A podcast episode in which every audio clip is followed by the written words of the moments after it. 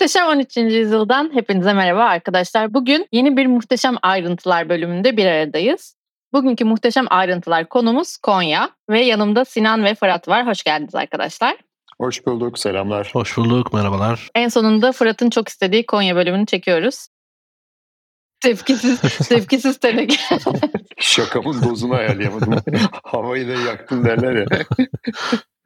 Hemen ilk sorumu sormak istiyorum Fırat'a. Konya'nın tarihsel açıdan önemi ne ve Anadolu tarihinde ne gibi bir önemi var Konya'nın? Anadolu tarihine baktığımızda e, tabii en başta o Neolitik çağlara, tarih öncesi çağlara gitmek lazım. Türkiye'de Anadolu topraklarında bulunan ilk insan Denizli'de, Konya'da değil. 1.2 milyon yıl önce bulunmuş ama ikincisi Konya'da. 900 bin yıl Ha. önce insan yaşamına ait kalıntılar var. Denizli ve Konya o civarlar ilk yerleşimlerin, ilk yerleşim demeyelim tabii ilk insanın izlerinin bulunduğu yerler. Tarihte. Bizim meşhur Afrika'dan gelişin pasajının tam aslında merkezi gibi biraz değil mi? Evet yani Konya hepimizin bildiği gibi geniş düzlükleri olan tarıma elverişli bir yer ve henüz avcı toplayıcı olmalarına rağmen işte tarihin çok çok öncesi çağlarında Konya ve Denizli civarına insanlar yerleşmiş. Konya'da Çatalhöyük'ten bahsedeceğiz herhalde değil mi? Yani bu Evet. e, ilk insandan ve e, kültürlerden bahsederken. Avcı toplayıcılar da görülüyor. Göbeklitepe'den 2000 yıl önce kadar işte 15 bin yıl önce kadar avcı toplayıcı kalıntıları da var ama yani Göbeklitepe kadar büyük ve kapsamlı bir yer yok tabi. Ama Hı hı. Göbeklitepe'den 2000 yıl sonra insanlar artık tarıma başladığı yıllarda milattan önce 7200 yani 9200 yıl önce Çatalhöyük 7-8 bin kişinin yaşadığı ve kent yaşamını geçtiği bir yer. Ziraat yapılıyor, hayvancılık var. Hep bu çanak çömlek derler hani biraz küçümserler ama çanak çömlek o yerleşik yaşam için önemli. Yemek pişirme işte koruma, depolama için önemli. İşte dokumacılık başlamış, resimler başlamış, duvar resimleri başlamış. Biz bu program boyunca hep yani Mevlana'yı anlatırken daha önceki ilk tanıtım bölümlerinde muhteşemlerimizi anlatırken yerleşik yaşam ve göçebe yaşam arasındaki inanışların farklılıklarına da değindik ve değineceğiz. Dünya tarihinin ilk kentlerinden biri Çatalhöyük. Evet dine bakış açısını da değiştiriyor herhalde değil mi? Bir toplumun göçebe veya yerleşik olması. Evet, Çatalhöyük'te hepimizin aklında bir imge vardır. Bir ana tanrıça heykeli oturmuş hafif şişman göbeği ve göğüsleri büyük çevresinde yaşayanları besleyen büyüten aslında o biraz da o Çatalhöyük'teki kent yapısını anlatıyor. Bir ana tanrıçaya tapıyorlar ve o ana tanrıça aslında şehir yanına gelenleri besleyen şehir olarak görülüyor. Yine aynı yerde de işte boğa imgesine de çok dinler tarihi boyunca rastlıyoruz. Orada da erkek tanrı da boğa olarak resmedilmiş ve tapılmış daha sonra.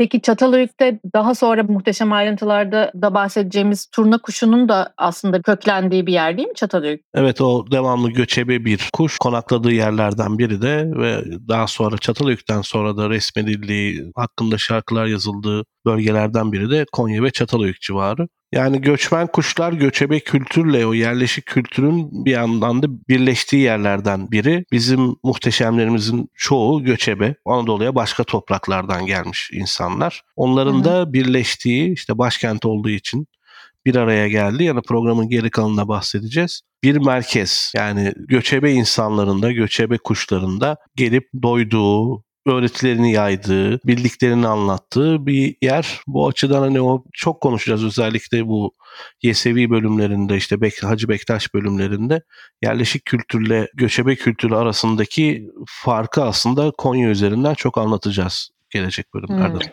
Burada da kuşların gelmesi, insanların yerleşmesi ortak olarak suyun bolluğunu da gösteriyor diye düşünüyorum. Konya deyince aklımıza bugünkü hali geliyor ama tabii çok daha geri tarihlerden bahsediyoruz. Daha ormanlık bir yer miydi acaba? Bununla ilgili bilmiyorum ne kadar bilgi var elimizde. Yani çok acı bir konudur. Yani 13. yüzyılın biraz dışına çıkarsak 200 yıl sonraya gidersek Fatih zamanında Ankara'dan İstanbul'a bir maymunun ayağı hiç yere değmeden ağaçlardan ağaca atlayarak gidebildiği yazılır. O meşhur Ankara Savaşı 1402'deki meşhur Ankara Savaşı'nda iki ordunun işte Timur'un ordusunu ve Yıldırım Beyazıt'ın ordusunun saklandıktan sonra ormandan çıkıp birbiriyle savaştığı yazılır. Maalesef yani İç Anadolu çok ormanlık bir yerdi ve büyük ölçüde de insan eliyle ağaçlarımızı, ormanlarımızı yok etmişiz maalesef. Peki Konya'ya Türkler gelene kadar Konya hangi kültürlere, e, dinlere ev sahipliği yaptı diye sorayım. Çatalhöyük bu arada 2000-2500 yıl kent olarak kalmış. Yine 8-10 bin Hmm. kişinin yaşadığı biraz daha büyük bir kasaba olarak kalmış.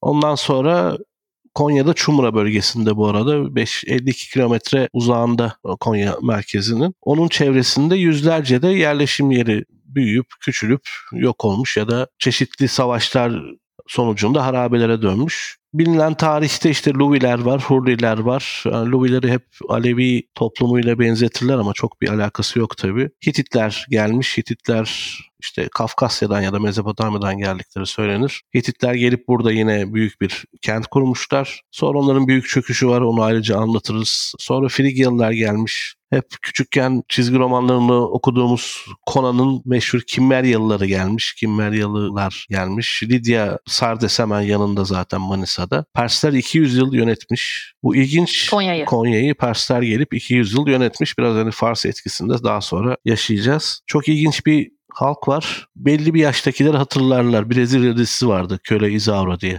Ben hatırlamıyorum. Yani şaka şaka hatırlıyorum tabii ki de.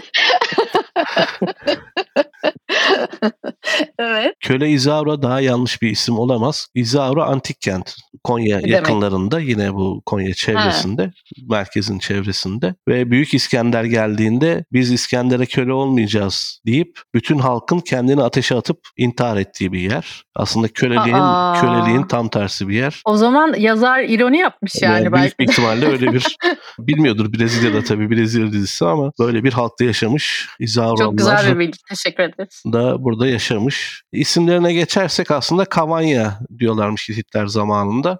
Roma zamanında İkonyum bir yani çok bir etimolojisi yok. Hepsi yani hani Konya ve İkonyum, Kavanya etrafında dolaşıyor ama hepsinin ayrı anlamları olduğu söyleniyor. İkonyum şehrin girişinde büyük bir heykelin olduğu söyleniyor. İşte Medusa başını tutan ve şehri koruyan bir figür olduğu söyleniyor. Ondan sonra işte Hristiyan ikonlarından gelmiş de olabilir deniyor ama İkonyum bizim de Araplar geldiğinde ilk Kuniye demişler. Onun da farklı hikayeleri var ama genelde işte Kavanya, İkonyum ve bizim dilimize de Konya şeklinde gelmiş Konya'nın ismi. Demin saydığın Konya'da yerleşmişlerin yüksek sayısını da düşününce aslında gerçi Anadolu'nun bir kısmının böyle bir kaderi var ama bulunduğu coğrafi yapıya da bakınca sanki savunması zor bir şeymiş gibi geliyor. Yani gelinin gücü fazlaysa bunu çok savunacak büyük bir kale veya coğrafi olarak bir tepelik yapıdan yoksun diye mi bu kadar el değiştirdi acaba?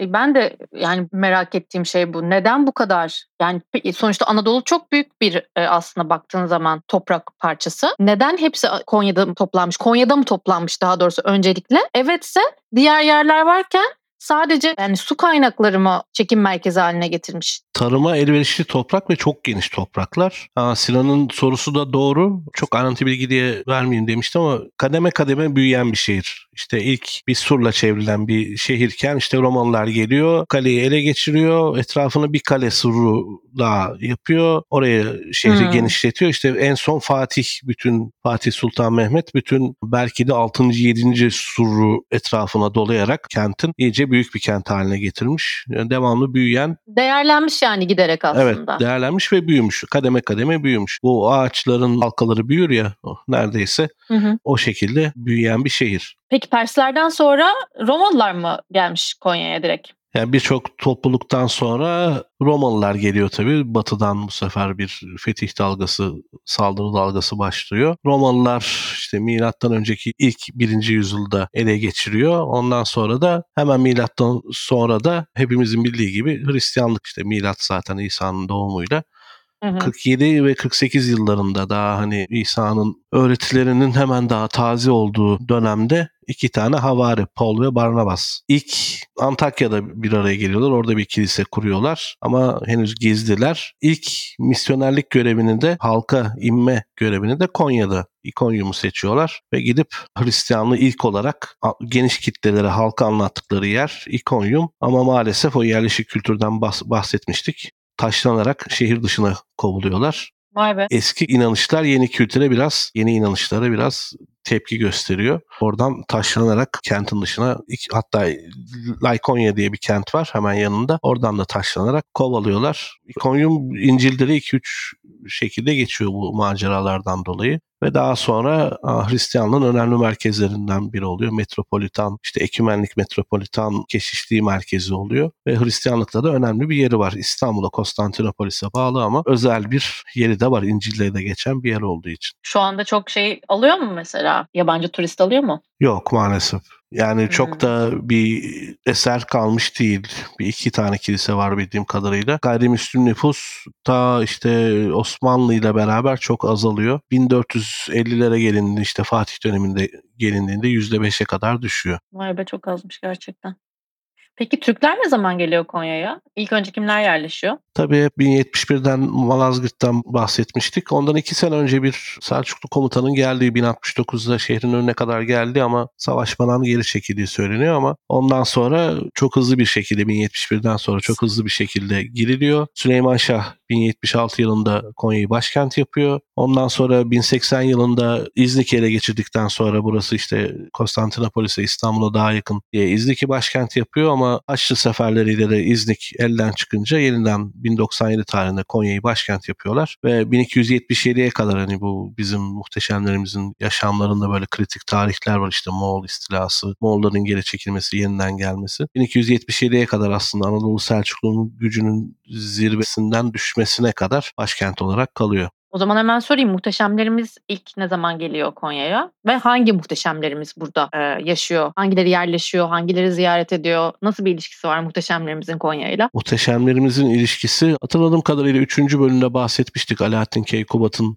kenti nasıl büyüttüğü, nasıl işte muhteşemlerimizin de arasında bulunduğu birçok ulemayı, insanını, bilim insanını davet ettiğini söylemiştik, anlatmıştık. Alaaddin Keykubat zamanında çok gelişiyor tabii ve Selçuklu, Anadolu Selçuklu zamanında da Darül Mülk oluyor ismi. Yani mülkün başkenti, mülkün işte evin evi, mülkün kapısı yani büyük dediğimizde arsa, ev taşınmayan hemen hemen her şey o dönem büyük olarak adlandırılıyor ve Darül Mülk olarak adlandırılmaya başlanıyor. Ve muhteşemlerimiz de yavaş yavaş aslında bakarsak Yesevi dışında hemen hemen hepsinin geldiğini söylememiz mümkün. Yani Yunus Emre'nin çok net değil. Yazdığı şiirlerde Konya lafı geçiyor, Mevlana lafı geçiyor ama gelip işte bir kayıt olmadığı için henüz o zaman çok genç olduğu için çok da bir netlik yok ama onun bile geldiği söyleniyor. İbn Arabi 1204'te geliyor ilk olarak. Sonra birçok kez gidip geliyor. Yine yerleşik ve göçebe kültürden bahsetmiştik. İbn Arabi biraz daha o gezilerini biliyoruz 16 yaşından itibaren durmadan dolaştığını, hiçbir kentte yaşamadığını biliyoruz. O göçebe ruhunu göstermiş. O geldiğinde Gıyasettin Keykavus o dönemin Anadolu Selçuklu Sultanı bir ev veriyor. İbn Arabi de işte çarşıda yürürken bir dilenci Allah rızası için bana bir şey ver hani diyor. İbn Arabi de evi veriyor. Verecek başka bir şeyim de yok zaten sana diyor ve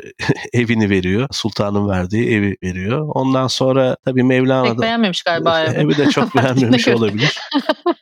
Peki bir şey soracağım Fırat ya. İbn Arabi ile ilgili aklımda şöyle bir şey var. Doğru mu Sinan ve Fırat ikinize birden sormak istiyorum. İbn Arabi Endülüs'ten Konya'ya gelip Sonra Konya'daki e, gayrimüslim nüfusun fazlalığı karşısında biraz e, rahatsız olup sanki gidiyor gibi bir hikaye kalmış aklımda. Ne kadar doğru bu? Yok, Konya'ya gidip çok geliyor ama yani İbn Arabi'nin o mektubu, meşhur mektubu vardır Selçuklu Sultanı'na. Ama İbn Arabi'nin Endülüs'te Hristiyan fetihlerinden kaçıp yani yaşadığı, doğduğu yerlerin Hristiyanlar tarafından ele geçirildiği hani birçok katliamında yaşandığını düşünürsek aslında biraz da korkuyla, nefretle değil de ya Bizans İmparatorluğu hmm. hala yanı başında duruyor Anadolu'nun da hani küçülmüş olsa da ya bunlar geri gelip sizi yok edebilirler diye Avrupa'daki o Hristiyan saldırganlığından bir travma yaşamış olabilir diye düşünüyorum. Çok onun dışında nasıl diyelim çok böyle milliyetçi, ırkçı söylemleri yok. Duygularla, duygularla değil, değil daha çok. Başına gelen şeylerin devamından korkması muhtemelen. E, tabii. İbn Arabi gibi birçok insan gelişti. Mecdettin İshak'tan bahsetmiştik. Ya, ileride işte Fütüvet ve Ahiri'yi anlatırken Kirmani diye çok önemli işte Fütüvet'i ilk yaymak isteyen insanlardan biri var. O buraya geliyor. 20 yıla yakın yaşıyor. Ve aslında bakarsak padişahlar, sultanlar, hatunlar işte ulemayı yanında tutmak istiyor. Hani nasıl eski İtalya şehir devletlerinde işte büyük aileler, işte padişahlar, krallar, ressamları, bilim insanlarının yanında tutuyorsa burada burada da biraz başkent ve etrafında önemli isimlerin toplanma eğilimi var. Liman olmayıp deniz kenarında olmayıp bu kadar zaman önemli kalmak da farklı. Tabii gerçi öyle düşünmek lazım. Liman olması da ticaret yolunda üzerinde sayılabilecek bir yer. Belki ileri dönemde artık ve daha sonraki yüzyıllarda eski öneminin kalmaması biraz da deniz ticaretinin gelişmesiyle mi ilgili yani neden değişti? Konya ya Ege ve Antalya yani tam onların merkezinde aslında. Oraya geldikten sonra diğer deniz limanlarına da geçişi olan bir yer. Biraz da öyle bir önem kazanmış durumda. Bir de üretici bir yer. Yani tarımın, tahılın, dokumacılığın, diğer sanayinin geliştiği bir yer. iş gücü olan bir yer. O yüzden ekonomik olarak kuvvetli bir yer. Mevlana'ya gelince de yani onun çok güzel bir lafı vardır. Pusulanın merkezi yani pusulanın merkezindeki o iğneyi tutan yer Müslümanlıktır, İslam'dır onun için. Ama ucu da 72 milleti dünyanın dört bir tarafını gösterir diye bir benzetmesi var. Aslında Konya'yı da öyle görebiliriz. Geliyor ve yerleşiyor. Kesinlikle gitmiyor. Yani 10 yıl gittikten sonra 7 yıl Karamanya'da yaşadıktan sonra çok büyük bir göçten sonra ailesiyle yaşadığı çok büyük bir göçten sonra babası da doğru yol bizi hoşluk şehrine getirendi aslında diye bir lafı var Bahattin Velet'in hoşluk şehri hmm. olarak görüyor. Alaaddin Keykubat tabi babasına Bahattin Velet'e bir özel medrese açıyor. Medrese-i Hüdavendigar diye. Orada dersler vermeye başlıyor ama Konya'ya geçtikten iki yıl sonra ölüyor maalesef Bahattin Veled ve oğlu Mevlana devralıyor. Ve dönemin önemli isimleri teker teker işte Saadettin Konevi de dahil buraya geliyorlar. Mevlana zamanında 60 bin kadar nüfusu var. Yani büyük bir şehir aslında. Hani şu, anda büyük bir kasaba ama o, dönemin şartlarında gayet büyük bir şehir. Mevlana sadece Müslümanlara değil, Türklere değil, işte Farsilere değil, buraya gelen dünyanın dört bir tarafından ya da burada daha önce yaşamış ve ayrılmayan insanlara dersler veriyor. Güzel bir lafı var. Burası bize vefalı oldu. Hiç cefa etmedi. Bu yüzden ben burayı bırakıp asla başka bir yere gidemem demiş. Can hayatın ne olduğunu, yaşamın zevkini burada tattı. Yemin ederim ki biz buraya gönül verdik diye Konya'yı anlatmış ve aslında ölümü de burada oluyor hayatın sonuna kadar. Konya'dan ayrılmadı. Arada bir işte bahsetmiştik eğitimi için ya da başka ziyaretleri için Şam'a gidiyor. Şam'a gidiyor. İşte Kayseri'ye arada bir ziyaretleri var ama ölümünü burada yaşıyor. Bir de Konya deyince en önemli ilgili Hani muhteşem de Konevi, Konyalı demek. Saadettin Konevi'deki Konevi, Konyalı adını demek. Adam. Adını, adını almış. Ki Malatya doğumludur. Ama o kadar seviliyor ki bu arada ilginç bir rekabet de var. Mevlana'dan daha çok seviliyor. Yani dışarıdan gelenler ilk önce bir Konevi'ye danışıyorlar. Onun sözlerini, sunduğu çözümleri beğenmezlerse ondan sonra Mevlana'ya gidiyorlar bir üst mertebe bir üst mertebe olarak yani hani biraz ya çok iyi dostlar aralarında bir rekabet yok ama esas sevilen esas birinci en popüler olan Konya'da ismini de vermişler zaten Saadettin Konevi onun hayatıyla ilgili Tabii. ayrıntıları da daha sonra anlatacağız zaten. Tabii arkasında İbn Arabi gibi bir dev var. Evet. Onu kitlelere yaymak gibi çok başarılı bir misyonu gerçekleştirmiş bir insan. Konevi bu arada saraya daha yakın hatta bayağı da zengin olduğu söylenir. Mal mülk edinmiş Konya'ya geldikten sonra. O yüzden de hani biraz daha benimsemiş olabilir halk onu, o da halkı. Vay be. Peki bu kadar mı? Başka muhteşemimiz var mı Konya'dan yolu geçen? İşte Hacı Bektaş yani hepsinin başkenti işi düşüyor orası. Başkent sonuçta. Ahi Evran evet. işte bir şeyler anlatmak istediklerinde işte Mecidüddin İshak'ın etrafındaki davet ettiği insanlar. Yani üç kent var aslında. Ya üç ya da dört kent var diyebiliriz. Malatya, Kayseri, Konya ve biraz da Erzincan'ın işte ulemanın merkezi olduğu söylenir. Arada kentlerde dolaşarak da dersler veriyorlar. Medreseleri ziyaret ediyorlar ve öğrencilerle ya da işte dönemin büyükleriyle bir araya geliyorlar. Konya'da o merkezlerden biri en önemlisi hatta. Yani Konya tüm muhteşemlerimizi bir arada tutan çok önemli bir şehir diyebiliriz. E, Peki bugüne uzanan neler var Konya'dan günümüze gelen muhteşemlerimizin arkasından diyeyim? Mevlana bölümlerinde bahsettiğimiz hemen herkesin yattığı yer, sırlandığı yer Konya. Bir annesi Karaman'da türbesi. Onun dışında babası, işte kardeşleri, çocukları, eşleri, Mevlana'nın öyküsünde rol alan herkes Konya'da yatıyor ve hemen hemen hepsi de aynı Mevlana'nın türbesinin etrafında gömülmüş. İlk ilk babasına bir türbe yaptırmak istediğinde oğlu Sultan Veled Mevlana şunu diyor. Gök kubbeden daha görkemlisini yapamayacağımıza göre zahmet etmeyin. Bana türbe yapmayın diyor. Hmm. Ama ondan sonra ölümünden Aynen. sonra özellikle işte Gürcü Hatun'un ve dönemin Anadolu Selçuklu sultanlarında ısrarıydı. Yine yeşil bir türbedir ama hani Çinili mavi bir kubbesi vardır. Maviden yeşile çalan yine gökyüzünü andıran bir türbesi vardır. Yeşil türbe olarak bilinir. Onun dışında Mevlana Müzesi işte ondan kalan her, hemen hemen her şey Mevlana Müzesi'nde. İşte Aralık ayına yaklaşıyoruz. Şebi Aruz törenleri var. Bir hani gitmek isteyen Aralık'ın ilk haftası, ilk ve ikinci Hı-hı. haftası. Aslında gitmek isteyenler de Konya'ya git, Mevlana'dan kalanları görmek, Mevlana Müzesi'ni görmek, işte büyük sema törenlerine katılmak. Biraz turistik tabii artık eskisi gibi değil ama bir hani o havayı yaşamak için en uygun zaman Yeşil Kubbe, Kubbe-i Hadra yani yeşillikten geliyor hidro, su. Eray olsaydı programda evet biraz daha etimolojik bağlantılı daha iyi kurardı. Ona yaptırılan bir eser ve onun dışında da program boyunca bahsettiğimiz Çatalhöyük'tür. Diğer önemli bölgelerdir. İzaro antik kenti hala duruyor ve kazıyı bekliyor mesela. Oralara da ziyaret etmek ilginç olabilir. Konya yerleşik kültürün hani seviyeye geçerken biraz daha göçebe kültüre geçeceğiz ama hani Mevla'nın buraya kadar gelen o yerleşik kültürün Anadolu'daki en önemli merkezlerinden biri. Üstelik bilmeyenler için de söyleyelim. Konya'ya İstanbul'dan sadece 4 saatlik bir hızlı tren yolculuğuyla da varabilirsiniz. O yüzden Konya Müzesi'ni görmek isterseniz çok da zor değil yani ulaşması diyelim. Yani bahsedeceğimiz gelecek muhteşemlerle ilgili birçok kenti de tanıtacağız. Fırsat bulduğunuzda Konya başta olmak üzere Nevşehir'i, Kırşehir'i hepsini çoğuna da trenle ulaşılıyordur büyük bir ihtimal. Hani emin değilim ama Konya'ya kesin biliyoruz. Bir ziyaret etmenizi de öneririz.